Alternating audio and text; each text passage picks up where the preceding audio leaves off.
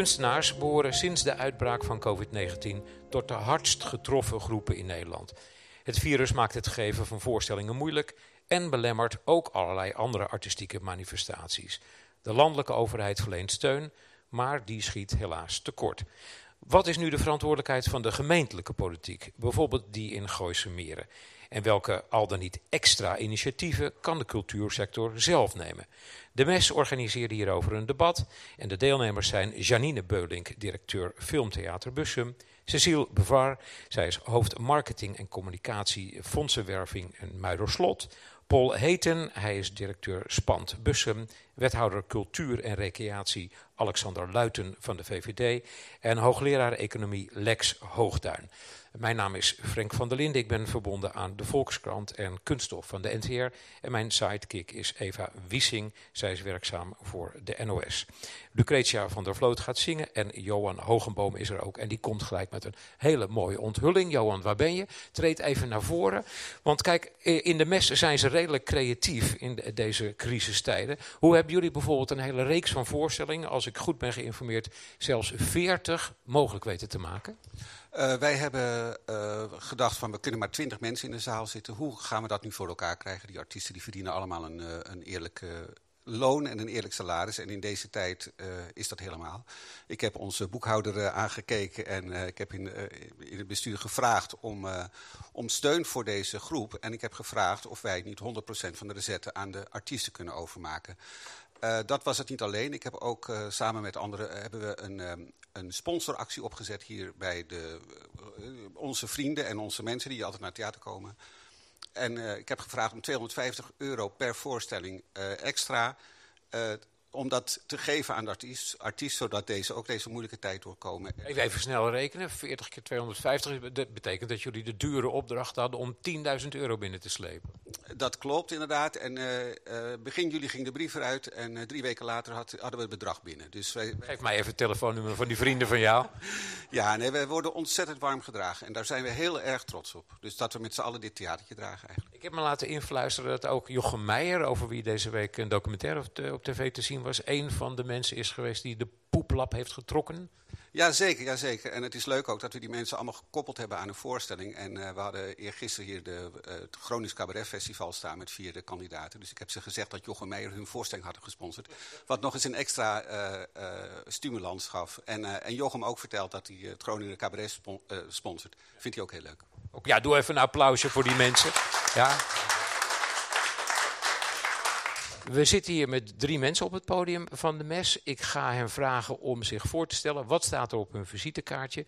En hoe zouden zij in een minuutje of anderhalf uh, hun kern van de kijk op de materie kenschetsen? Ik zou zeggen, pak de microfoon erbij. Daar is die. Um, wie denk je wel dat je bent? Uh, en hoe luidt jouw wijze woord voor de wereld? Uh, ik ben Paul Heten, directeur van Spant. Uh, dat mag ik al tien jaar doen, of twaalf jaar zelfs al. Uh, nou ja, net als alle theaters in Nederland zijn wij uh, natuurlijk ook flink geraakt door deze hele crisis. Ja, wij, wij zijn natuurlijk ook al vanaf het begin in gesprek met de lokale overheden. omdat wij ehm, de eerste pot subsidie was niet voor de lokale theaters. Dus we zijn eigenlijk al vrij snel met de gemeente in gesprek gegaan om te kijken voor... ja, wij zagen ook dat dit lang ging duren. Uh, en die gesprekken lopen eigenlijk nog steeds. Um, Komt er voldoende op tafel? Uh, nou, er is nog niet iets op tafel. Uh, en dan wil ik niet meteen heel erg meedenken met de gemeente. Maar, en pleit ik natuurlijk wel dat er geld moet komen voor ons als theaters. maar ik realiseer me ook wel dat er heel veel vragen van heel veel kanten op zo'n gemeente afkomen. Wat is het, het tekort dat zich nou in zo'n half jaar bij het spand aftekent? Nou, ik durf het bijna niet te noemen, want dat is... Uh, Blijft tussen ons, hè? Nee, helemaal. Maar krijgen, ja, nee, ik, ik denk dat wij totaal uh, zo'n 3 miljoen aan omzet zijn verloren. in dat half jaar? Nee, in, uh, tot einde van 2020. Ja. Ja, het eerste half jaar was meteen alles weggevaagd. Wij doen, we hebben eigenlijk drie takken. Een professioneel theater, het lokale podium, dus voor de muziekscholen en de diverse verenigingen. En een congrescentrum. Dus bij elkaar verwachten wij dat daar 3 miljoen wegvalt een verlies uh, tot einde van het, tot dit boekjaar, uh, juli, was uh, nou, een half miljoen. Ja, dat, dat gaat door. Dus, dus, en door afspraken met onze verhuurder en met gemeenten, provincies, hopen we dat daar wat, aan gedaan kan worden. Ja. Maar dat dat, dat dat noodzakelijk is, dat is wel uh, vanzelfsprekend. Even, even parkeren wat daar aan gedaan kan of moet worden, dat komt nog wel. Als er niks aan gedaan zou kunnen worden, hoe lang kan Spant dan nog overleven in deze situatie? Um, nou, kijk, we hebben nu plannen gemaakt. We hebben nu plannen er wel. We, we, daar gaan we vanuit dat we, wat dat we geld van de provincie krijgen. Ik zeg wat, want het is eigenlijk het is behoorlijk wat trouwens. En namelijk? Uh, dan kunnen Hoeveel, wij, hoeveel namelijk? Nou, dan gaat het om 400.000 euro. Ja. Dan hebben wij nu een, het, het, lichtpuntje dat wij nu zien, het stip op de horizon, is september volgend jaar dat we weer iets van normaal gaan draaien. Ja, dus het spand zou met hangen en wurgen kunnen overleven, ja. ondanks uh, de mogelijkheid dat het zo erg blijft als het nu is. Al onze plannen zijn daar nu op gemaakt. Uh, dus uh, een, een, capaciteit die nu nog maar 30% is ongeveer. wij hebben gelukkig ontheffing gekregen. en dat we nog wel wat voorstellingen kunnen boeken, wat kleine congresjes en het lokaal podium kunnen handhaven, zie ik dat zo tot september. Ja, stelt u zich ook weer even voor en steek van wal. Ik ben Janine Beulink, ik ben directeur van Filmhuis Bussum. En ik, uh, even denken, Filmhuis Bussum uh, is een uh, klein groot filmtheater. We hadden in 2019 meer dan 70.000 bezoekers. En we zijn ehm, in 2020 verwachten wij ehm, ja, aan omzetverlies 70 procent. Mm -hmm. dat is natuurlijk gigantisch. Dankzij de NOW kan ik wel zeggen dat we het in ieder geval overleven, ook mede dankzij onze eigen reserves waar we flink op interen. Eerst weer even voor de leek, NOW. De, ja, de grote pot uh, loonkosten, tegemoetkoming in de loonkosten. Vanuit het Rijk. Vanuit het Rijk. Um, en ik denk dat onze uh, situatie uh, anders is dan bij veel andere culturele instellingen, omdat wij met 150 vrijwilligers werken.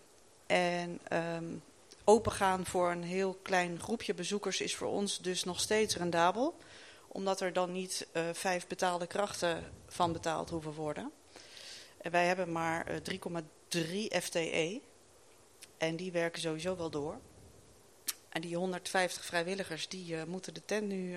ja. ja, die draaide de tent altijd al. Maar dat maakt het voor ons uh, ja, iets minder nijpend dan voor een hoop andere grote bioscopen en filmtheaters. Ja. Die met alleen maar uh, betaalde krachten werken. En, en wat houdt dit nou in voor uh, uw overlevingsmogelijkheid op de middellange termijn? Een half jaar, een jaar? Nou, wij uh, zijn natuurlijk heel erg bang uh, dat we heel erg interen op onze reserves. Omdat we gewoon niet weten, zoals niemand, we weten niet hoe lang dit gaat duren. Nee, dat snap ik. Maar als we gewoon even een klein uh, jaar, hè, een half jaar vooruit blikken, hoe, hoe, ligt het dan voor u? Dan staan wij overeind. Dan staat u nog overeind. Zeker, ja. ja. Oké, okay. hartelijk bedankt. We gaan naar de wethouder. Heel plezierig dat u uh, bent gekomen. Hoe, zit het gemeentelijk beleid op dit punt nou wel of niet in elkaar eigenlijk? Want het was onduidelijk of het wel mocht, niet mocht. Uh, weet u het zelf? Of ik mocht komen wel of niet? ja.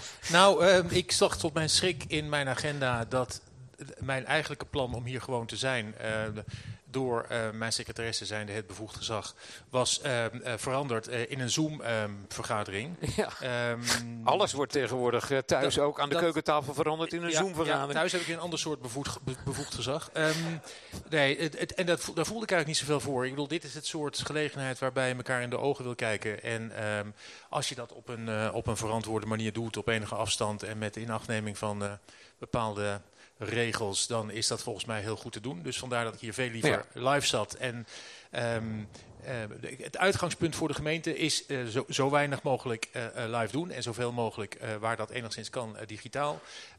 maar in dit geval denk ik van dit is digitaal niet goed te doen. Dat blijkt ook een beetje hier op afstand. Dus ik ben blij dat ik hier kan zitten. Nou, wordt zeer geapprecieerd.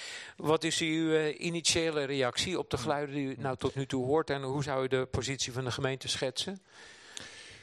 Nou, om te beginnen, uh, de, gemeente en cultuur. Uh, wij, vinden cultuur om een aantal redenen uh, heel belangrijk. En dat klinkt als een dooddoener, maar een paar, dingen. intrinsiek, in termen van vorming, verrijking van mensen, inspiratie, noem het allemaal op.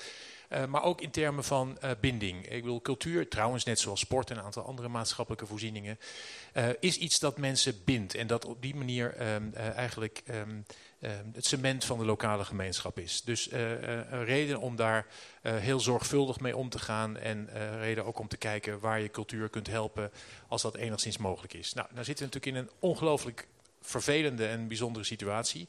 En de leidraad voor het gemeentebestuur eigenlijk in deze situatie is dat wij al het mogelijke willen doen om te voorkomen dat onze, nou, even kort door de bocht, culturele infrastructuur um, het onderspit Delft. Hou dat heel even vast. Um, ik ga daar zo dadelijk met u over door. Eerst nog even de structurele achtergrond. Als je bijvoorbeeld landelijk kijkt, dan zoomen we nog steeds na die roemruchte uh, bezuinigingen. 220 miljoen van Halbe Zeilstra, alweer jaren geleden. Hij is ook inmiddels jaren geleden. Hè. Uh, maar daar zitten we nog steeds mee. En het is in die context hè, dat die coronacrisis nog weer eens extra vervelende effecten oproept.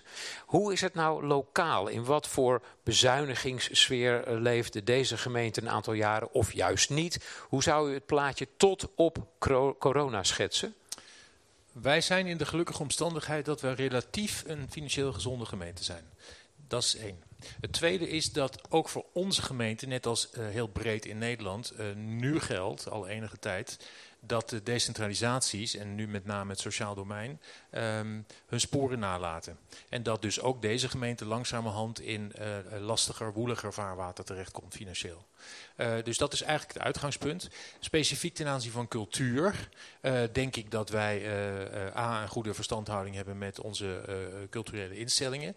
Dat we ook heel goed hebben kunnen samenwerken. Dat we die culturele instellingen, en als dat anders is dan hoor ik het zo van links en rechts notabene wel. Um, dat, dat, dat we die, die culturele instellingen in eendrachtige samenwerking goed hebben kunnen bedienen. En is dat ook op, op hetzelfde financiële pijl gebleven de laatste jaren? Of zegt u in alle eerlijkheid, eh, moest er wat worden ingeleverd? Of hebben we juist slagroom eroverheen gespoten, er kwam meer bij? Um, grosso modo uh, is dat hetzelfde gebleven. Uh, met Spans zijn we langzamerhand uh, wat, wat, wat andere financiële afspraken gaan maken. Maar dat is wel um, van dezelfde orde gebleven. Dat zijn geen draconische bezuinigingen of wat dan ook geweest. dat kan Paul dadelijk preciseren en of aanvullen. Filmhuis geldt ook al jaren een soortgelijke... Okay, pak een beet hè, hetzelfde gebleven ja, afgelopen. Ja. Dat, dat is de achtergrond. Ga je gang even. Ik geef je even de microfoon. Uh, vanuit het Muiderslot wordt gevraagd wat de gemeente kan doen om uh, uh, anders dan geld geven. Dus buiten het geld geven. Dat is een mooi, mooie vraag als ik er meteen op in mag gaan. Uh, toevallig heb ik specifiek voor het Muiderslot net uh, uh, bevochten, um, te vuur en te zwaard, dat het Muiderslot het projectleiderschap mag gaan doen voor cultuureducatie met kwaliteit. dat is een programma cultuureducatie dat ik denk vanuit het Rijk wordt geïnitieerd, waar de provincie ook een rol bij speelt. Uh, en waar je eigenlijk in uh, regionaal verband uh, binnen de culturele sector projectleiderschap voor moet zien te organiseren. Um, er was een soort van concurrentiestrijd gaande tussen Singer Laren die dat wilde oppakken en het Muiderslot.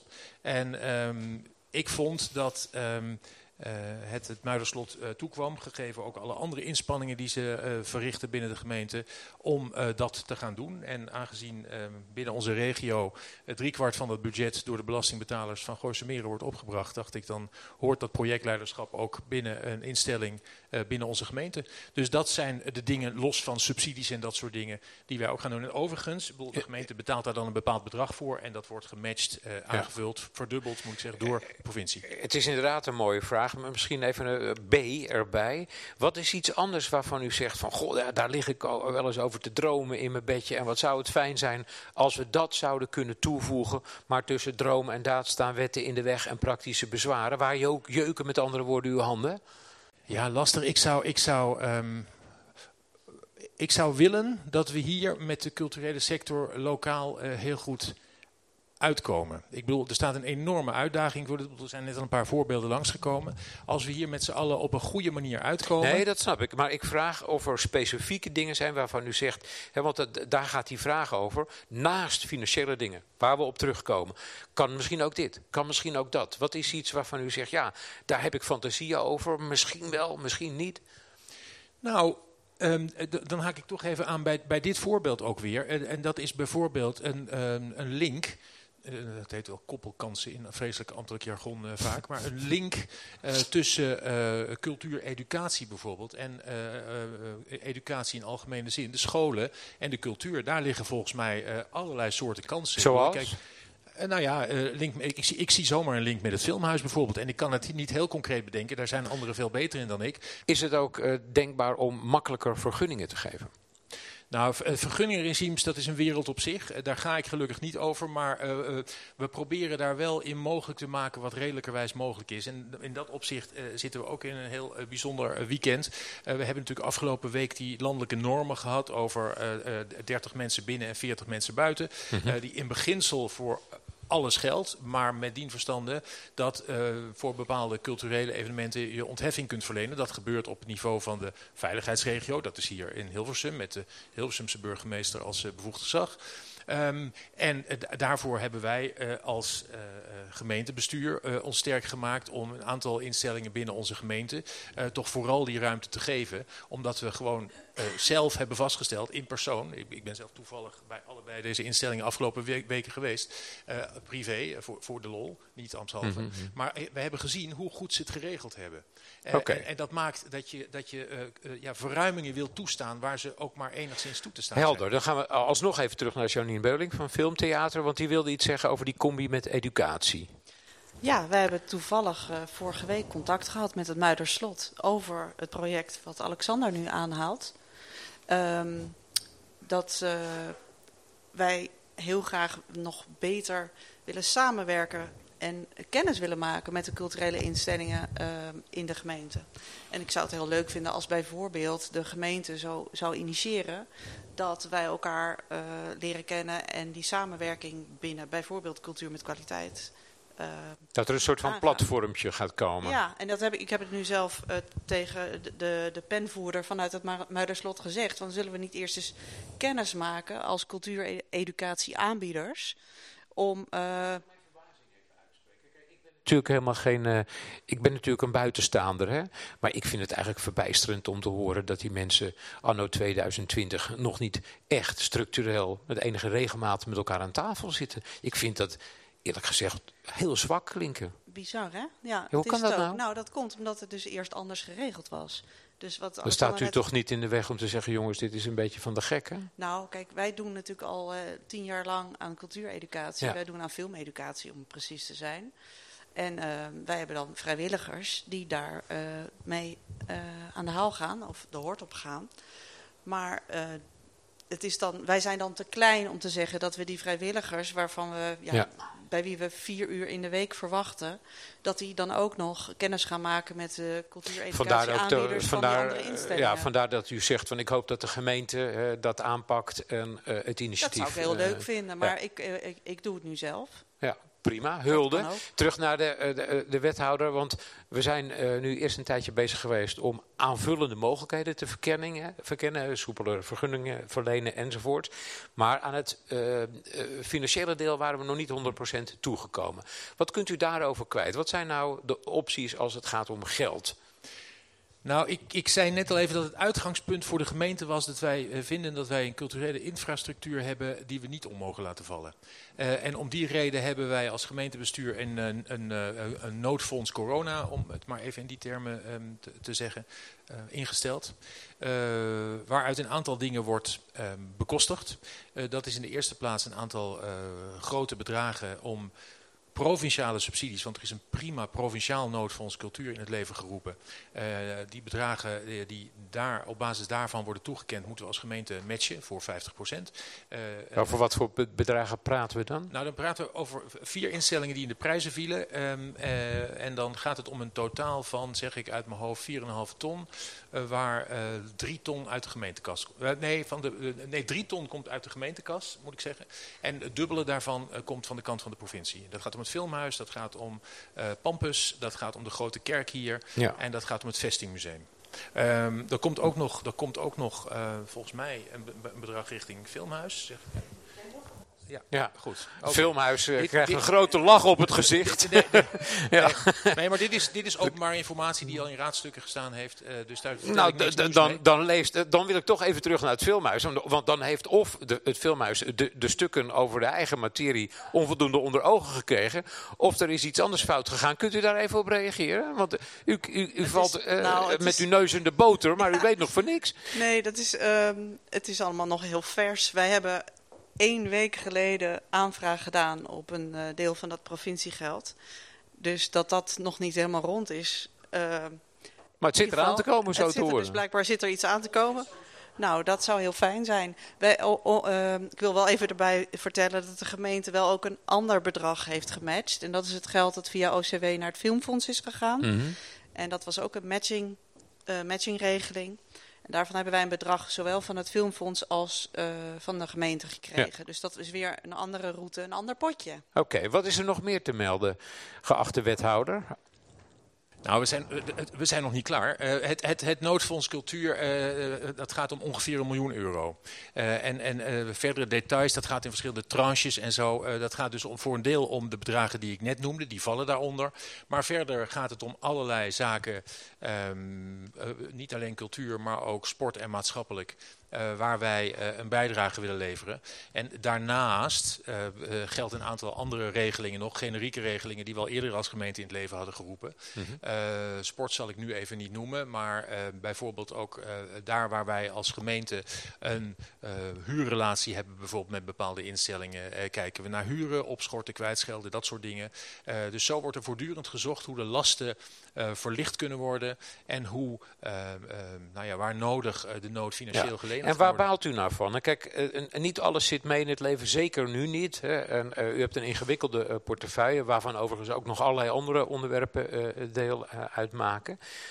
Wat is nou iets waarvan u zegt, ja, daar vind ik me over op? Dat, dat roept misschien zelfs wel een beetje mijn woede op af en toe. Nou, ik heb er niet zoveel last van. Omdat ik Serieus niet? Nee, wat, wat ik zie namelijk eh, op alle niveaus is dat iedereen eh, zijn stinkende best doet om hier het beste van te maken. En dat geldt. Kijk, dit is, dit is één grote zoektocht. Eh, iets als dit, zo'n pandemie, is ons gewoon met z'n allen nog nooit overkomen. Dus je bent voortdurend aan het zoeken. Het is, het is maatschappelijk een ramp, het is economisch een ramp. Ehm, en dan zie ik eh, A, dat er in Den Haag eh, ehm, heel erg wordt gezocht naar oplossingen. Maar dan zie ik vooral, en dat is dat ik wilde dit uur sowieso niet voorbij laten te gaan zonder dat, dat, dat, dat te noemen. zie ik vooral ongelooflijke creativiteit in de culturele sector.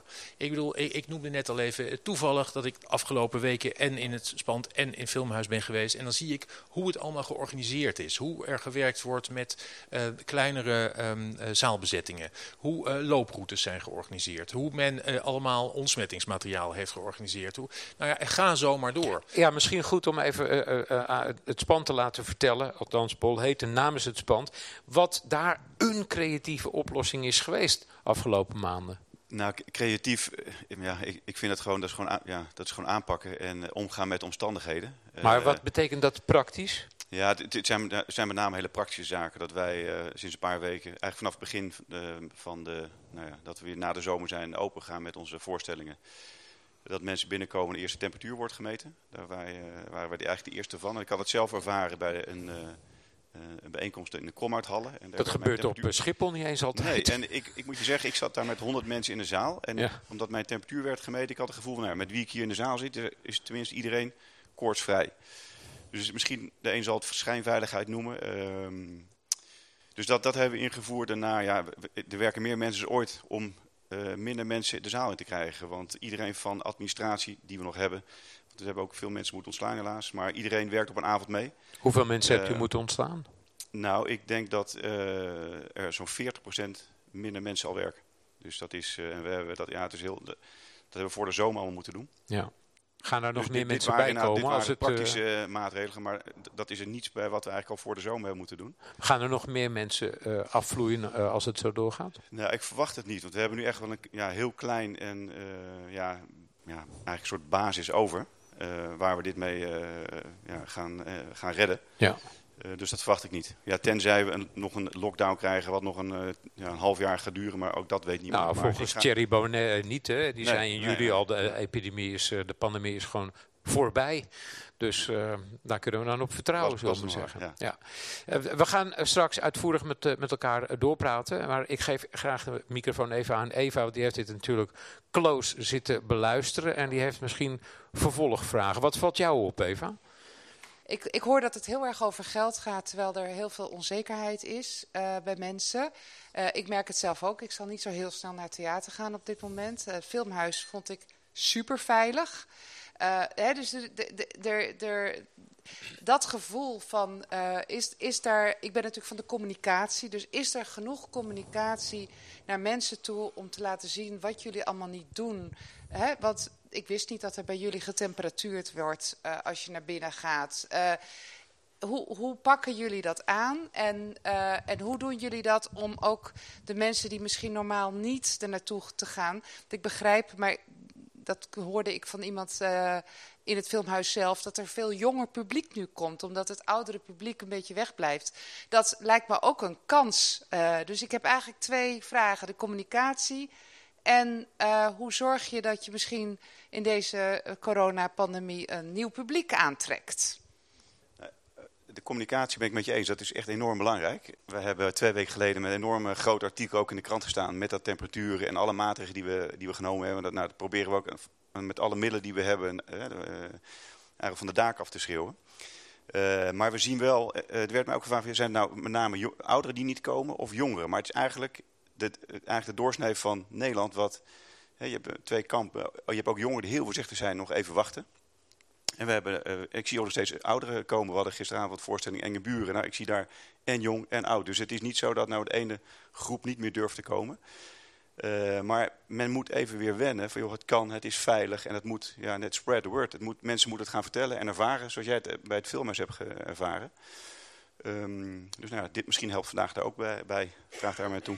Ja? Ja, ik vind ten eerste heel leuk dat een van onze 100 vrijwilligers uh, dit publieksonderzoek met jou heeft gedeeld. Wij hebben helemaal geen publieksonderzoek gedaan. Nee, dat was nee. geen publieksonderzoek. Tuurlijk, het was gewoon een eigen een, observatie. Een precies. Nee. Mijn, mijn eigen observering, als, als ik even ga kijken beneden van een afstandje, dan uh, zie ik nog steeds uh, onze, onze trouwste bezoekers. Wat wij vooral zien aan het soort bezoekers dat nu komt, dat is dat het mensen zijn die per se naar de film willen blijven gaan. Dat het echt uh, hardcore filmliefhebbers zijn. Die uh, zich minder laten weerhouden door het feit dat het gewoon niet zo gezellig is. Want we hebben geen café meer. Dus je kunt niet meer van tevoren bij ons afspreken voor een drankje. Er is geen pauze en er is geen nazit meer. Je kunt niet meer napraten over een film. Dus uh, je kunt alleen maar gewoon die prachtige films blijven bekijken. Want we hebben wel een fantastisch aanbod nog steeds. Gelukkig, of weer moet ik zeggen. Dus um, die communicatie, dat is een enorm ding. Er, ja, we hebben um, ook de maandelijkse filmgids, ons maandprogramma, kunnen we, ja, kunnen we eigenlijk niet meer maken. Omdat er heel veel distributeurs uh, heel angstig zijn en uh, steeds wisselen van, uh, van release datum. Dus we zijn op alle fronten anders gaan werken. We hebben onze programmering nu naar een weekprogrammering gebracht. Onze bezoekers zijn dat totaal niet gewend. Die zijn gewend om uh, zes weken vooruit te plannen. Die denken nu elke week dat een film voor het laatst draait. Omdat ze niet weten dat er op maandag weer een nieuw filmprogramma voor een week op de site staat. Dus we moeten onze bezoekers heel veel verschillende dingen tegelijk leren. En ik zou het liefst een soort banner van uh, 20 meter groot op de gevel hangen met... wij hebben fantastische ventilatie. Maar ja, dat, we, we blijven het melden, maar niet iedereen volgt alle kanalen. Ik, ja, ik vraag het omdat het virus natuurlijk weer oplaait. Ja. En omdat dit wel heel lang nog kan blijven duren. Ja. Wij, wij doen nu net alsof die tweede golf misschien over een paar weken weer voorbij is. Maar misschien duurt het ook na vaccinatie. Zitten we gewoon in een nieuwe werkelijkheid. Dus moeten we ons niet een beetje allemaal gaan aanpassen? Ja, nou ja, ja, ik heb pas ook nagedacht. Wij hebben een, een, filmpje gemaakt en op de website geplaatst en op Facebook en Insta. En, um, om te laten zien hoe het nu gaat. Om mensen te laten zien uh, die nog niet ge geweest waren. Dat moeten we gewoon nog eens uh, opnieuw erop, uh, erop zetten, denk ik. En ja, we moeten het blijven vertellen. ja, dat doen we. Maar ja, het, het is gewoon nog maar een heel klein groepje dat durft te komen. En dat komt wel heel vaak terug. Dus ik spreek geregeld mensen die in een week drie keer komen. Eva, als het goed is, heb jij nog steeds telefonisch contact met mevrouw Bevaar van het Muiderslot. Uh, lijkt me een, aardig idee om eens even te horen hoe ze daar de situatie runnen en wat daar de vragen en de antwoorden zijn. Ik heb nu aan de telefoon Cecile Brevar van het Muiderslot, communicatiepersoon en marketing. En de vraag is, hoe runnen jullie in deze coronacrisis het Muiderslot? En wat hebben jullie nodig om het beter te doen van de maatschappij, van de politiek? Ja, nou, uh, hoe wij het Muiderslot runnen is dat wij net als voorheen toch een plek willen zijn waar heel veel verschillende dingen voor verschillende soorten publiek. Dus uh, we hebben ook bijvoorbeeld podiumactiviteiten, wat veel mensen niet weten. Daarmee bereiken we weer een heel ander publiek dan met het kasteel of de tuinen. Um, wat voor ons op dit moment vooral van belang is, waar jullie het net ook al over hadden, is dat mensen weten dat het veilig is. Nou, bij ons moet je vooraf sowieso tickets reserveren als je wil komen. En je moet ook verplicht akkoord gaan met onze coronamaatregelen je kunt natuurlijk een vinkje zetten zonder ze te lezen, maar als je ze leest, dan weet je van tevoren ook waar je aan begint. Of wat je dus wel of niet moet doen. Dat je sinds vorige week ook een mondkapje verplicht moet dragen. Dat soort zaken staat daar allemaal in. Um, het is natuurlijk heel lastig omdat je minder bezoek krijgt dan je zou willen. Maar uh, over het algemeen moet ik zeggen dat wij nog niet zo heel veel te klagen hebben. Want ik denk dat wij tot nu toe ongeveer op 50% van ons bezoek zitten. Wat uh, in de zomer zelfs nog iets hoger lag. Dus uh, dat is helemaal niet zo gek als je hoort wat andere musea doen. We organiseren heel veel dingen buiten op het moment. We hebben bijvoorbeeld afgelopen zomer ook een camping uh, gerund op ons terrein, wat superleuk was, waar mensen gewoon allemaal uh, blij verrast naartoe kwamen, omdat niemand op vakantie kon. Mocht je wel in de tuinen van het kasteel komen kamperen. Dat zijn allemaal ja, voorbeelden uh, van dingen die we doen om toch mensen te trekken. En wat de gemeente daar vooral specifiek in kan betekenen, is inderdaad wat ik net al aangaf, ook bijvoorbeeld vergunningen. Hè, dat wij voor dat kamperen natuurlijk een aparte vergunning moeten hebben, omdat we iets doen op ons terrein wat we normaal niet doen. Nou, dat duurt natuurlijk een hele tijd voordat je zo'n vergunning hebt. En uh, ondertussen is die camping alweer opgeruimd, want uh, zo snel gaat de tijd. Uh, en wat voor ons heel erg van belang is, kijk, dat de gemeente natuurlijk financieel probeert te helpen, dat is heel mooi. Dat is natuurlijk ook niet voor iedereen een even groot bedrag. Want wij krijgen natuurlijk ook van de Rijksoverheid nog geld. Uh, een derde deel van onze inkomsten is subsidie. Dus ja, twee derde deel van onze inkomsten verdienen we zelf. En daar hebben we natuurlijk ook een hoop voor te doen. Uh, ik denk dat het ook voor ons juist van belang is dat de gemeente ons in verbinding brengt met mensen die uh, voor ons heel lastig te bereiken zijn. En dan heb ik het met name over mensen die dus van nature niet gewend zijn aan theater of muziek of musea. En daar hebben we uh, ook uh, regelmatig wel al contact over met de gemeente. Maar ik denk dat dit soort dingen eigenlijk nog veel belangrijker worden door zo'n crisis die we nu doormaken.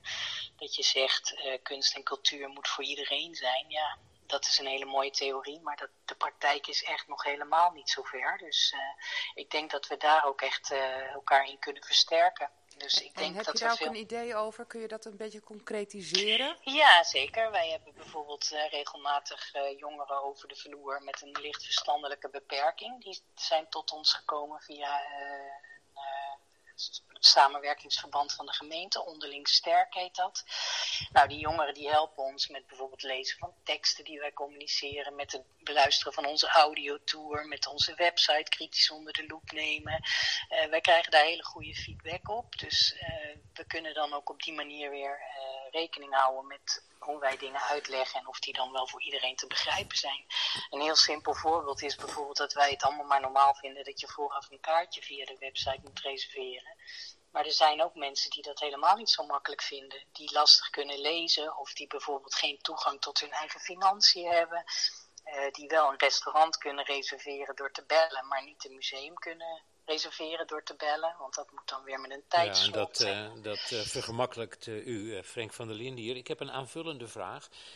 wat is voor u nou op dit moment een dilemma? Kijk, in een situatie als deze schiet je permanent op een bewegend doel. En dat brengt allerlei gewik en geweeg met zich mee. Wat is voor u nou ingewikkeld om te kiezen?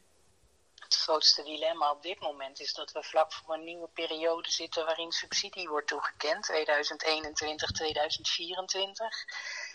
En wij zijn met allerlei plannen bezig, maar het is vrijwel onmogelijk om nu al uh, volgend jaar te overzien, laten staan de komende vier jaar. Dus dat is wel echt het grootste dilemma. Hoe ga je dat doen? Welk plan leg je op tafel? Ga je concessies aan je ambities doen of niet?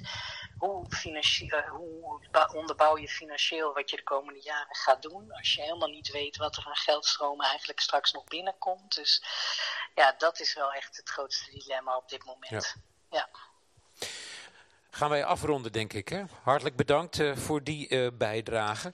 Um, even ter verluchtiging in uh, de mes waar deze podcast is opgenomen. Um, Lucretia van der Vloot is onder ons en Johan Hogenboom met zijn vingers die altijd maar over de piano rammelen. Zij gaan optreden en ze doen dat met de teksten van Wietske Lubis, zeer begiftigd tekstschrijver. Ze beginnen met een lied over de kleine theaters. Graag een warme hand voor die twee.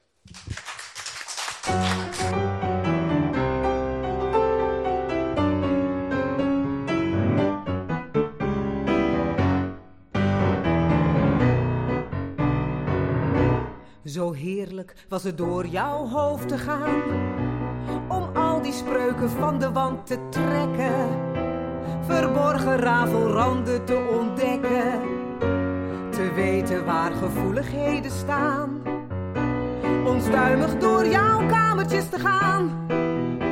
Te morrelen aan roestige systemen. Van je glazen af te nemen. Wat dapper dat je open had gedaan.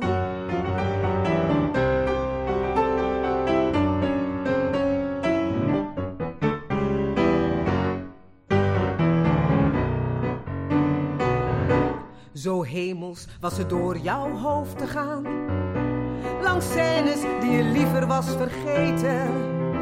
Jou het is niet anders en jou zeker weten. Jouw stilte voor de storm en je orkaan. Een voorrecht door jouw gangetjes te gaan. In alle laadjes had ik iets te zoeken. Een kast gevuld met nooit gelezen boeken. De foto's die je bril deden beslaan. toen ik net de trap op wilde gaan en in je bovenkamer wou verdwijnen, zag ik daar enkel roerloze gordijnen, een lege zaal, er was geen kunst meer aan. Er viel geen kronkelpad meer op te gaan. Wat zou ik in dit hoofd nog rond gaan toeren? Wat gaffertape, wat opgerolde snoeren. Wat kon ik hier nog opdiepen voortaan? Het was zo mooi om in zijn. Wat zou ik graag in wonderen geloven? Er speelt straks weer van alles toch daarboven. Begint niet al wat groot is, klein.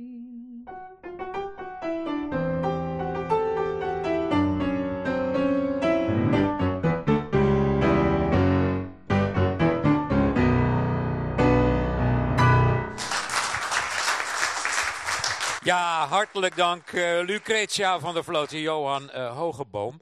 Um, als het gaat over uh, steun van de overheid, al dan niet aan mensen en instanties in de culturele sector, dan hoor je vaak, ja dat moet gepaard gaan met inleveren door mensen die werken voor en aan de top van de geholpen organisaties. Neem KLM. van de week werd duidelijk dat piloten daar toch worden geacht 20% in te leveren. En dat is natuurlijk tegen de achtergrond van die miljardensteun door de Rijksoverheid. Paul, heet een uh, uh, gewetensvraag. Hoeveel heb je zelf ingeleverd? Uh, nou, heel veel moet ik, moet ik zeggen. Ik, ik ben directeur, maar ben ook eigenaar van de exploitatie. Uh, een van de weinigen in Nederland die, uh, een van de weinige theaters die op die manier gerund worden. Dat bedrijf heet Coulissen, meen ik? Uh, ja, nee, nee, dat, ja, nee, het is gewoon spannend. En de, de aandeelhouder, de, dat is Coulissen, dat zijn wij. Okay, dat ben ik, doe nou. samen met een kompion. en wij waren net klaar met onze eerste tien jaar huur we hebben afgelopen tien jaar de helft van onze winst hebben we afgedragen aan, we hebben het bedrijf gekocht. Dus we dachten, nou nu kunnen we eigenlijk, we hebben een beetje eigen vermogen kunnen opsparen. Maar ja, dat zien we dus nu vervluchtigen. Dampen. Dus, dus dat gaat weg. Ja. Dus dat mag, mag ik vragen, hoeveel hebt u zien vervluchtigen? Nou, dat gaat om, om, om meerdere tonnen. Ja. Wat is, meerdere tonnen? Is dat beneden de 10 of erboven? Sorry? Is dat beneden de 10 tonnen of nee, boven? Nee, zoveel heb ik... Uh, nee, nee. Oké, maar enkele nee, maar tonnen? nee, enkele tonnen zien we gewoon. Uh, weet je, zoveel, zoveel eigen mogen hadden we ook niet. Maar nee. uh, ja, dus dat is wel pijnlijk als ondernemer. Daar doe je het niet voor. Je doet het om een solide basis te hebben en... Ehm, dus ja, over inleveren, uh, dat zie ik nu gebeuren. Me dunkt, ja. ja. En, en hoe is dat bij de directeur van het filmtheater? Uh, kan die zelf nog wel kaartjes kopen? Ja, het is natuurlijk een hele andere situatie bij mij dan bij Spant. Dat Wij zijn ik. een uh, stichting zonder winstoogmerk. En um, ik ben gewoon in dienst van de stichting. Ik ben geen eigenaar. En um, ja, de salarissen in, de, in onze sector zijn al beroerd. Dus inleveren maar mag ik eens uh, vragen, wat verdient een directeur van een filmtheater hier nou? Ja, dat is om en nabij? on-Nederlands om te vragen. Ja, maar goed, ik ben vrij on-Nederlands in dat opzicht. Ik ben journalist. Ja, ja dat vind ik echt heel te ingewikkeld om antwoord op te geven. Ik voel dat ik daar uh, me ongemakkelijk bij voel. Ja, nou, ja. We, we, leven in een vrij land, dus voelt u zich niet verplicht. Maar ik moet af en toe eens een ongemakkelijke vraag ja, stellen. Zeker, Dit is Hoeveel heeft de wethouder ingeleverd, nu iedereen moet inleveren? Nou, de, de, de, wethouder werkt al sinds het begin van deze ambtsperiode uh, voor 90% van het salaris. Dus ik hoop dat dat een troost is voor iedereen. Hoe kwam dat zo? Ja, dat is een beetje het, het, het toevallige, de toevallige uitkomst van, uh, van wielen en dealen bij coalitievorming. Um, daar, kan, dat kan, ik een, daar kan ik een lange versie ook van vertellen, maar nee, er zit niemand, kort, niemand ja. op te wachten. Nee, dat betekent dat er dit college twee VVD-wethouders uh, heeft die allebei voor 0,9 FTE op de, woon, uh, op de loonlijst staan. En die desondanks natuurlijk toch 24-7 bereikbaar zijn. Ja. Ja. Daar hoeft niemand verder medelijden mee te hebben hoor. Maar ja. um, ik dacht, uh, als, als het dan toch gaat om een korting, dan is dit mijn ja, korting. Ja, dat is dat dan. Ja, oké. Okay. Hoe verloopt nou de dialoog van de gemeente met het Rijk over dit onderwerp? Hè? Bedoel, wij, wij, volgen die minister allemaal natuurlijk. Uh, maar u bent nog geïnteresseerder dan de gemiddelde Nederlander. Want u staat ja, rechtstreeks onder haar als het gaat om die geldstroom. Hoe moet ik me die gedachtenwisseling tussen bijvoorbeeld u als portefeuillehouder en het ministerie nou voorstellen? Nou, dat gaat eigenlijk getrapt. U moet zich niet voorstellen dat ik de deur platloop bij de minister. Um, zo gaat dat niet. Wij werken binnen de, uh, binnen de provincie en, en misschien nog meer binnen de MRA uh, samen met cultuurwethouders. En dan um, maken wij dankbaar gebruik van de gedeputeerde cultuur. met, met, met, met hen trekken we samen op om daar dingen voor elkaar te krijgen. Um, Noem eens iets waarvan u zegt, daar wordt aan gewerkt. Dat willen wij voor elkaar krijgen. Nou, we hebben, we hebben bijvoorbeeld um, uh, heel erg aangedrongen op een tweede tranche uh, steun. Die eerste tranche van 330 miljoen uh, is net al aan de orde geweest. we hebben gezamenlijk aangedrongen op een tweede tranche steun. Omdat we in heel Noord-Holland wel zagen dat allerlei culturele en maatschappelijke initiatieven erg in het gedrang waren. Kwamen ook al vanwege de manier waarop die eerste tranche van 330 is verdeeld. Ja, dat, dat, dat grote instellingen als het Rijksmuseum, ja. die de sponsors al goed weten te vinden. En ja. die best een laagje vet hè, op het lijf hebben, dat die ook fors ontvingen. Dat, dat, dat, is waar. Dat, dat, dat, dat, dat gun ik ze van harte, want ze zijn ontzettend belangrijk voor de nationale cultuur. Maar er zijn uh, op lokaal en regionaal niveau binnen onze provincie ongelooflijk veel initiatieven die uh, evenzeer aanspraak zou moeten kunnen maken op steun. Uh, dat hebben wij uh, bepleit, uh, onder andere samen met, bij, de, bij de minister, om daar werk van te maken en om ja. dus met meer steun te komen. hebt u de minister ook duidelijk gemaakt dat we met z'n allen best wel blij waren met die tweede tranche? Want wat mij opviel was, je hoorde iedereen moord en brand blerren toen er maar 330 miljoen kwam. En ik heb bijna niemand publiekelijk echt iets moois horen zeggen, iets positiefs horen zeggen over het bedrag dat in tweede instantie kwam. En toen dacht ik, is die verhouding wel helemaal in balans? Nou, de vraag stellen is ze misschien beantwoorden, maar dat is ook misschien heel menselijk om uh, moord en brand te schreeuwen als iets niet gaat zoals je uh, uh, dat zou willen. En om iets minder uitbundig te zijn op momenten dat dingen wel meer jouw kant op komen. Dus dat is misschien... Is het u ook opgevallen? Nee, nee, dat is helemaal eens. Helemaal eens. Het, is ook, het heeft ook veel minder publiciteit gehad. En um, ja, dat is, dat is misschien lastig, maar laten we vooral koesteren dat die tweede ja. tranche is afgekomen. Uh, om, uh, om nog Zo is het. ik, ik ga even om me heen kijken, want er zit hier gelukkig toch een kleine twintig man vanmiddag in de mes. En die hebben vaak de beste vragen eigenlijk, is mijn ervaring. Dus uh, wie steekt zijn hand op? ik geef de microfoon met gepaste afstand aan. Wie wil graag een vraag of een kanttekening? Ja, hier is die. Ik zou graag uh, willen pleiten voor een soort denktank van samenwerking. Uh, als ik over het filmhuis alleen hier al nadenk, dan denk ik, jongens, waarom hebben we niet een buitenbioscoop? We kunnen zoveel dingen buiten doen. Waarom gaan we niet met elkaar mooie projecten op die manier vormgeven? Uh, ik snap dat dat allemaal ingewikkeld is. Uh, wij zitten nu deze uitzending mogelijk te maken met waardeloze apparatuur, omdat we daar nog helemaal niet op um, ja, Rekend zijn. ingespeeld zijn. Dus ook daar zullen we een investering voor moeten maken om dit soort programma's mogelijk te maken. Die dus het debat mogelijk maken en ook samenwerkingsdingen mogelijk maken met alle mooie instellingen die we hier in de omgeving hebben. Dus ik zou zeggen, laten we een ontzettende lans gaan breken met elkaar, dat we de dingen samen oppakken. Want ik denk dat daar nog zoveel mogelijk is. Misschien speelt dan ook mee, kijk weer even naar, naar uh, de mensen hier op het podium natuurlijk, dat er een tijdje, uh, een tijdje heeft de gedachte geleefd, er is maar één golf, die ebt op den duur uh, weg. Een tweede golf namen we met z'n allen niet 100% serieus. beste gesprekspartners, heeft dat misschien meegewogen bij het niet initiëren van dat soort platforms, dat soort overleg? Daar wil ik wel graag even op reageren. Wij uh, zijn uh, platgebeld door heel veel mensen die allemaal vroegen... waarom gaan jullie nu geen drive-in bioscoop organiseren? Uh, ik denk dat wel 15 verschillende mensen dat allemaal aan mij voorstelden. Wij hebben toen de gemeente gebeld. En die zei, ja, we geven gewoon geen vergunningen af voor evenementen. Want die waren tot 1 september sowieso verboden.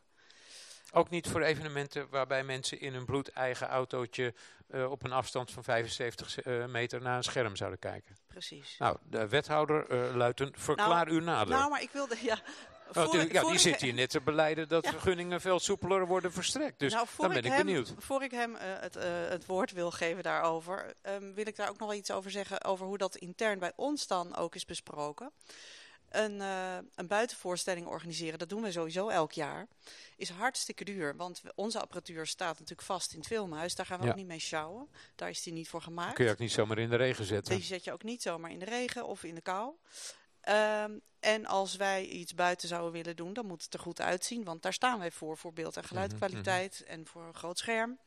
En dat kost gewoon heel veel geld. Dus wij vonden het ook een hele een moeilijke... Tour de uh, force. Nou ja, we vonden het ook niet zo gepast om in een periode waarin eigenlijk werd opgeroepen... werk zoveel mogelijk thuis en doe niet zoveel... Uh, en, en, ja, en, en, en maak een pas op de plaats ook als je financieel zo ontzettend ja. slecht gaat, ga je niet extra geld uitgeven. Oké, okay, dus wethouder we... Luiten, wat maakt het voor u lastig om te zeggen, nou go ahead met zo'n buitenbioscoop? Nou, ik moet, ik moet zeggen uh, dat uh, dit verzoek mij helemaal niet bereikt heeft. Um, wat we doen als het om dit soort dingen gaat, kijk, uitgangspunt was inderdaad uh, kennelijk evenementen tot 1 september gewoon niet toegestaan. En dan maken wij eigenlijk per, um, per geval, als het gaat om de vraag wat kunnen we wel mogelijk maken, maken we een afweging. voorbeeldje, wat we hebben gedaan, dat is niet strikt genomen cultuur, maar toevallig ga ik ook nog over economische zaken, terrasuitbreidingen bij de cafés. dat hebben we zo snel mogelijk en zoveel mogelijk uh, uh, toegelaten om de horeca in staat te stellen, nou, voor een deel zelfs overeind te blijven. Uh, dat is zo gegaan. En, en hetzelfde soort afweging is gemaakt toen uh, en misschien heb ik het net al gezegd. De uh, maandagavond was die persconferentie. Is gezegd van 30 uh, binnen, 40 buiten. En toen hebben we binnen, omdat ik net bij jullie was geweest en gezien had hoe netjes het allemaal georganiseerd was. Bij jullie is? bij, bij, bij, het filmhuis ja. en in Spand was geweest. en ik had gezien hoe netjes het allemaal georganiseerd was. En toen heb ik meteen ook in het college bepleit. en dat vond ook meteen breed steun. Van wij moeten gaan kijken waar ook maar enigszins mogelijk om daar ontheffingen te verlenen omdat het allemaal zo netjes georganiseerd is, mm -hmm. uh, uh, dat we die ruimte moeten bieden. Ja. Wat is nou dus zo gaan we daarmee om. Ja, zo gaat u daarmee om. Wat is nou het belangrijkste geluid dat uit oppositiemonden klinkt hier? Nou, dit is, dit is zo'n um, dit is zo'n issue dat eigenlijk...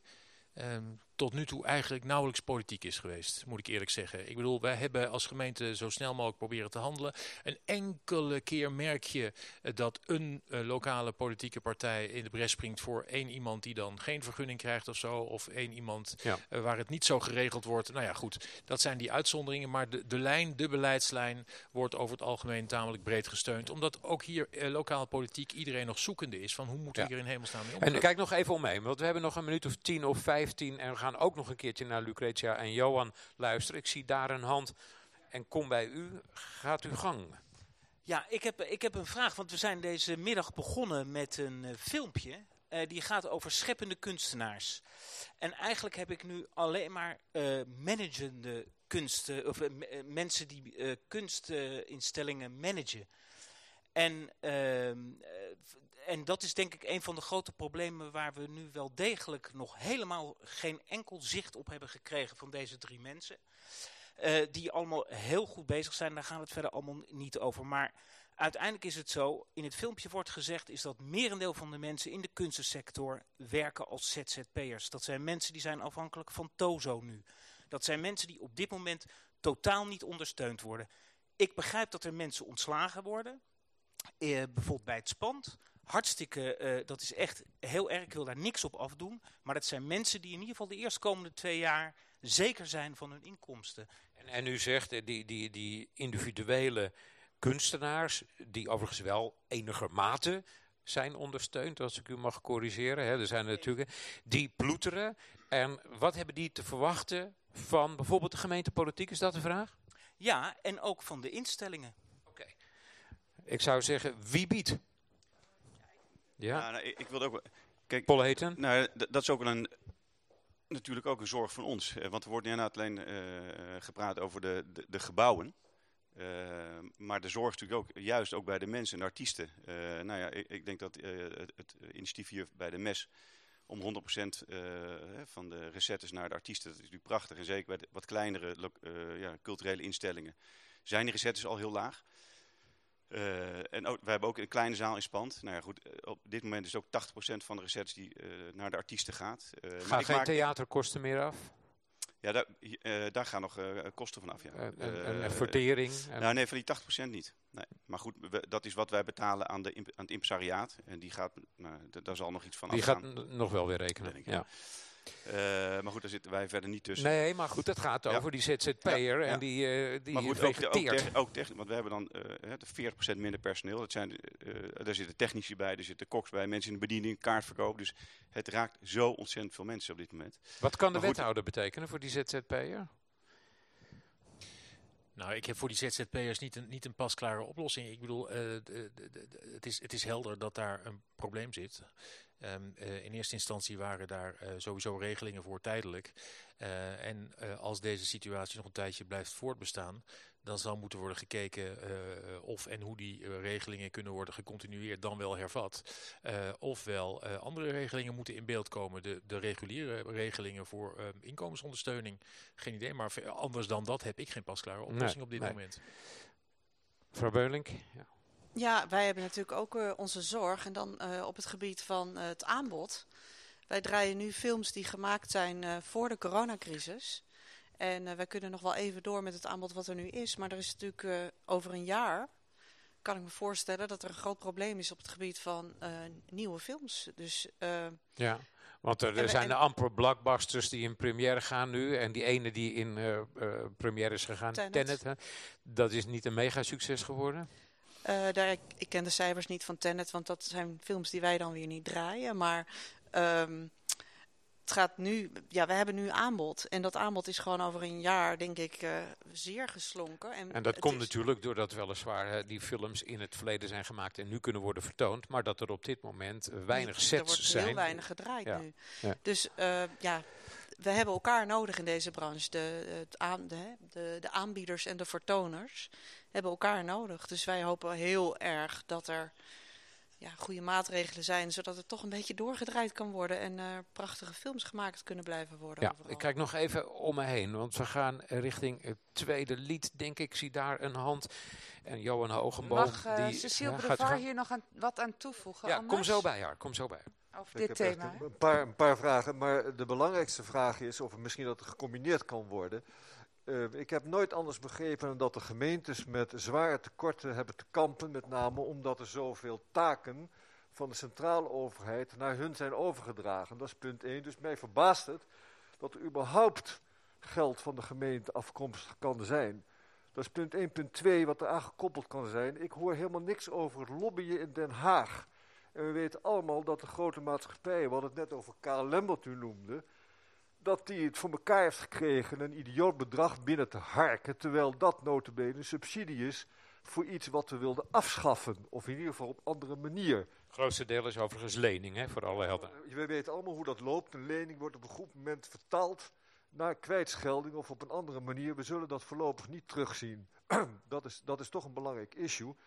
En dat is dus het, het, het, subsidiëren van iets wat tot het verleden behoort. En we hebben nou die prachtige film, ik haal hem u ook maar aan, gehoord hoe belangrijk het is de kunst te handhaven en desnoods uit te breiden, maar dat is op de toekomst gericht. En wat is uw vraag? Mijn vraag is waarom er niet gezamenlijk gelobbyd wordt. Dus zowel, we hadden hier nou net de, de onroerend goed affaire en de exploitatie, tezamen met de kunstenaars om een blok te vormen in Den Haag, dat daar het geld wel vandaan komt en dat de gemeente daar niet door wordt belast. Uh, wethouder Luiten, is het om te beginnen correct dat er niet gelobbyd wordt? En als er niet of onvoldoende wordt gelobbyd, uh, ra, ra, ra, hoe kan dat nou? Nou, ik heb al geprobeerd daar net iets, even iets over te zeggen. Uh, wij lobbyen wel degelijk. Uh, als het gaat om de wethouderscultuur, is uh, gezamenlijk zijn de krachten gebundeld in de provincie Noord-Holland. En doen wij dat met een delegatie van die wethouderscultuur en de gedeputeerde cultuur Zita Pels bij de minister. Dat gaat om de cultuur specifiek in Noord-Holland. Um, het is ook correct uh, uh, waar meneer mee begon, uh, dat gemeenten natuurlijk in zwaar weer zitten financieel vanwege de decentralisaties met name. en wat dat betreft is het natuurlijk zo dat je niet van harte ergens miljoenen vandaan haalt. Maar in dit geval, waar het om die cultuur ging en het noodfonds cultuur dat we nou, nu gemeentelijk hebben ingesteld, hebben we gezegd, ja dat is in eerste instantie um, uh, incidenteel geld. En uh, de, de, in combinatie met het gegeven dat je je cultuursector maar één keer kunt laten omdonderen, ja. uh, moeten we dat dus nu uit de achterzak trekken en wel uit de algemene reserve. Voor nu. En dan hopen wij overigens dat daar nog voor een belangrijk deel compensatie vanuit het Rijk komt. En Ten derde, uh, er wordt uh, vanwege de gemeenten wel degelijk een hele stevige lobby ingezet. Um, en dat komt onder andere tot uiting in het feit dat er laatst, ja. volgens mij uit mijn hoofd, 777 miljoen ook voor gemeenten is toegekend van Rijkswegen. Ook weer om allerlei maatschappelijke voorzieningen te helpen ondersteunen in de vorm van compensatie. Waarvan akte? Ehm, Cecile Bevaar van Muiderslot kwam nog met een kanttekening of een vraag... Eva Wiesing. Het ging over de vraag van ZZP'ers. Wat doen de culturele instellingen om de artiesten te steunen? En, eigen, ja. en, en ik, nou, kunt u daar eerst maar even op antwoorden? Ja, ik uh, wilde in elk geval aangeven dat wij juist heel bewust nu wel makers ook een podium bieden. Dus dan moet je denken aan uh, poëzie of dans of muziek. Waar wij ook kunstenaars actief voor uitnodigen om een bijdrage te leveren. En ze daar uiteraard ook voor betalen ik zeg natuurlijk niet dat dat hun inkomstenprobleem 100% oplost, maar ik denk dat er op veel meer plekken op deze manier naar die, uh, op die manier naar de programmering gekeken wordt. Om te kijken wat kun je doen om ook die ZZP'ers die we allemaal hard nodig hebben, uh, wel in de lucht te houden. Dus uh, dat ten eerste. Mag ik daar nog wat over vragen? Want ja. we hebben gezien hoe de MES zonder subsidie toch uh, probeert om de recettes zo hoog mogelijk te houden voor de mensen die hier optreden. Is op het gebied van die recettes nog iets gedaan? Krijgen de artiesten nu zeg maar extra? Uh, uh, is, is daar iets in mogelijk? Niet door ons iets extra's. Het is al sowieso natuurlijk uh, voor ons als zelfgesubsidieerde instelling uh, best een uitdaging om kunstenaars überhaupt een vergoeding te geven. Hè. Dat is uh, ook pas sinds een paar jaar, sinds we de Fair Practice Code hebben, dat we daar iets mee doen. Kunt u dat uitleggen? Want u zegt ja, het is de, moeilijk de om artiesten überhaupt te betalen. Begrijp ik ja, het goed? omdat je als museum natuurlijk zelf ook van, eh, afhankelijk bent van subsidiestromen. Dus je hebt niet zomaar even geld op de plank liggen om artiesten te betalen of kunstenaars. Of, eh, maar het is natuurlijk wel gewoon iets waarvan je vindt dat het moet gebeuren. En waar je dus ook op een andere Ja. manier mee Er, er wordt Dus hier, eh, wel- so- so- sorry dat ik u onderbreek, want ik, ik hoor mensen eerst binnensmonds nog lachen en uiteindelijk volmondig lachen. Kunt u zich daar iets bij voorstellen? Nou ja, dat kan. Als je zegt dat het een hele kleine druppel op een gloeiende plaat is, ja. Maar daar wordt dus wel degelijk heel bewust mee omgegaan om op allerlei plekken eh, makers een podium te bieden voor zover dat in deze tijd kan. Dus eh, ik denk dat dat in elk geval een mooi uitgangspunt zou moeten zijn. En dat is niet de oplossing voor het probleem, maar er wordt wel over nagedacht. Dat, Een eh, andere vraag over de lobby. overigens, die, wat de musea betreft, gaat die ook veel breder dan alleen de gemeente Gooise Meren.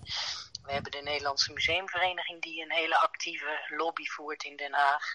En eh, mede daardoor is ook die eerste 300 miljoen en daarna de tweede tranche ook eh, tot stand gekomen. En die museumvereniging lobbyt niet alleen, die lobbyt ook met eh podiumclubs die zich verzamelen. Die lobbyt met kunstclubs die zich verzamelen. Er zijn natuurlijk allerlei gremia die wel degelijk op de achtergrond aan het lobbyen zijn. Oké. Dus, Ik, ik, ik dank, dank u hartelijk, Cecile Bevar, eh, voor die eh, toevoeging. Kijk naar Johan Hogeboom en naar Lucretia van der Vloot. Treed aan ten tweede male, eh, zou ik zeggen. En verwelkomt u hen weer met een warme hand.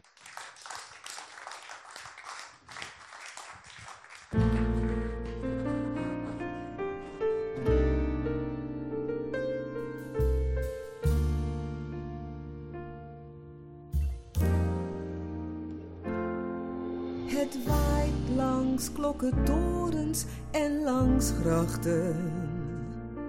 Langs fietsen die voor altijd staan te wachten. Langs bouwput en langs breekbaar Ipenblad. Er dwarrelt een verlangen door de stad. Het struint door stille stegen, poorten, gangen. En niemand is in staat om het te vangen. Al zit het op een bankje, zomaar wat. Om daarna weg te waaien door de stad. Het zwijgt, het zucht.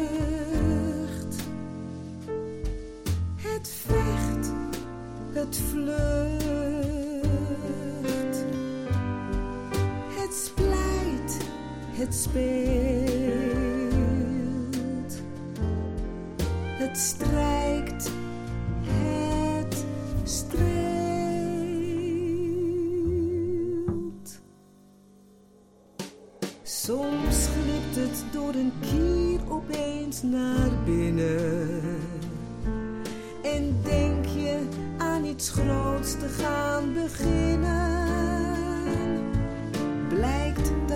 Verkeerd hebt ingeschat.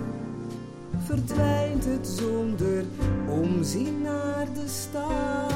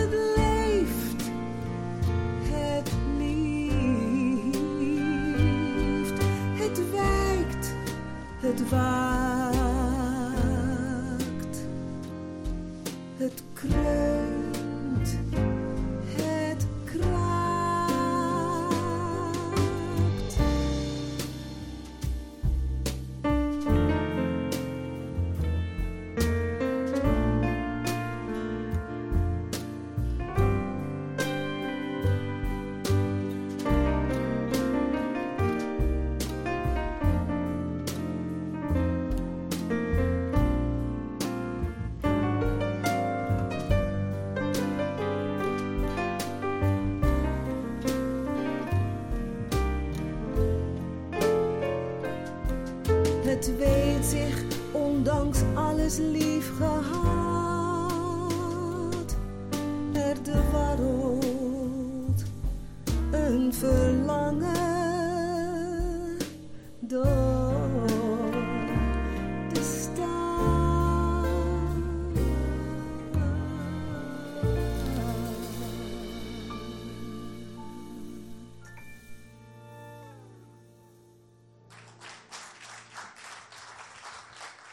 Ja, Lucretia, uh, Lucretia van der Vloot. Johan Hogeboom, heel fijn. We gaan richting een afsluitende ronde hier uh, in de mes. God Only Knows heet uh, de speelfilm waar ik gisteravond met mijn uh, geliefde naar zat te kijken. Was rond middernacht, glaasje witte wijn, u kent dat wel. Stukje brie, het zou zondag worden. Ach, wat wil je nog meer? De film gaat over twee zussen die oorlog voeren met elkaar. Over de vraag in hoeverre ze voldoende zorgen voor een psychisch gestoorde broer. En ja, op dat moment geniet je enorm van kunst en cultuur. En weet je, we hebben nu nog een gesprek van een uur voor de boeg. En dat kan alleen maar doordat we met z'n tweeën naar die prachtige film hebben zitten kijken. Wat is nou voor de mensen hier op het podium een moment geweest de afgelopen weken... dat ze naar iets keken of dat ze iets lazen of iets hoorden... dat zij dachten, ja, dit is kunst en cultuur als shot of life, levenselixer voor mij, Paul Heten... Uh, nou, ja, dat dicht, het meeste uh, wat mij dichtstbij uh, was, dat is gisteravond. Ik had, gisteravond hadden wij een spand uh, Enge Buren dus. en TEDx, Gooise Meren, met fantastische sprekers in de ene zaal, aan de andere, aan de andere kant Enge Buren, een muzikaal cabaret. en je ziet mensen daarna, want daar gaat het uiteindelijk wel om, ook in deze omstandigheden nog, mocht het bij ons wel nog een biertje nadrinken praten over de voorstelling. Ja, dat is voor mij waar, waar, wij het voor doen, waar ik het voor doe. Ja. Dus, uh, dat moment. Dat moment. Ja. Wethouder Luiten. Oh, wel een lastige. Een paar dingetjes. Ik uh, zei net al dat ik vorige week, nou een dag of tien geleden, uh, in Span ben geweest bij Pieter Derks. Uh, dat was ontzettend leuk om te beginnen. Maar het was ook wel ontroerend, omdat het een beetje aansluit bij wat ik net zei.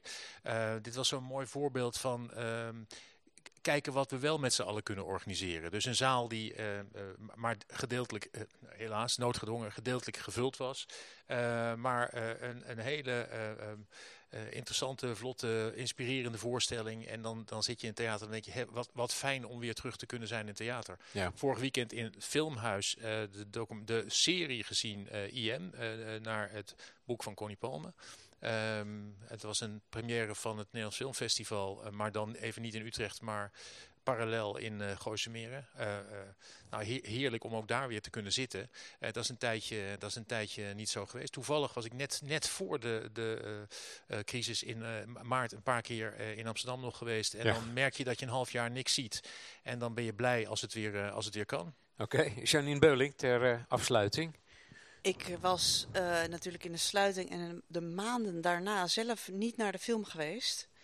En heb uh, na mijn vakantie in september besloten, ik moet weer wat zien. Want ik ga helemaal stuk. Ik loop leeg op alle negatieve energie die het kost om alleen maar de hele ja. dag te praten over coronamaatregelen.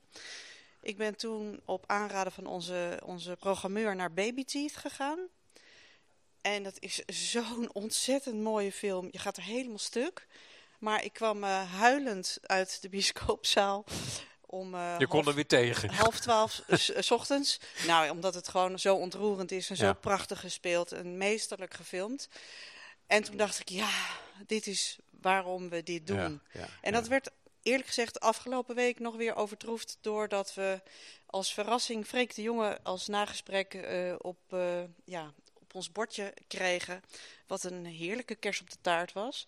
Omdat de grote première op het NFF, het Nederlands Filmfestival, geannuleerd werd vanwege de beperkingen die maandag Mm. werden afgekondigd. Wilde die uh, als verrassing uh, voor een nagesprek komen. En uh, ja, toen hadden we dus een, een nagesprek bij een film met een volle zaal met 36 bezoekers. ja. Maar het was een fantastisch gesprek. Um, en ik moet zeggen, ik, ik fietste naar huis met weer het gevoel van... oh ja, wat heb ik toch leuk Ja. werk. Nou, ik kan u in dit verband eh, echt van harte de laatste brievenbundel van Gerard Reven aanbevelen. Ik haal het wel eens vaker aan. Eh, als het tegen zit, ja, dan moet u die bundel erbij pakken. De laatste alinea van eh, dat boek gaat ongeveer als volgt. Hij bevindt zich op het geheime landgoed in Zuid-Frankrijk. Het regende dat het goot die zomer. Eh, De auto had vier lekke banden. Het brood bij de boulanger was uitverkocht. Maar Troost Vos was er vandoor met een zevenjarige Franse geliefde. En hij zat helemaal vast in zijn nieuwste roman. Dus Reven die schreef aan zijn toenmalige uitgever Bert de Groot. Bert, ik wil dood. Verder alles prima. Gerard, um, uh, onthoud dan ook de titel van die prachtige brievenbundel. En daarmee stuur ik u naar uh, moeder de vrouw of vader de kameraad.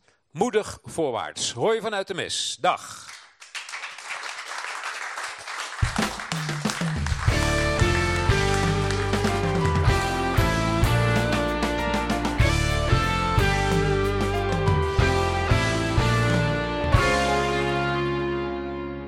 U heeft geluisterd naar een podcast vanuit Podium de Mes Naarden.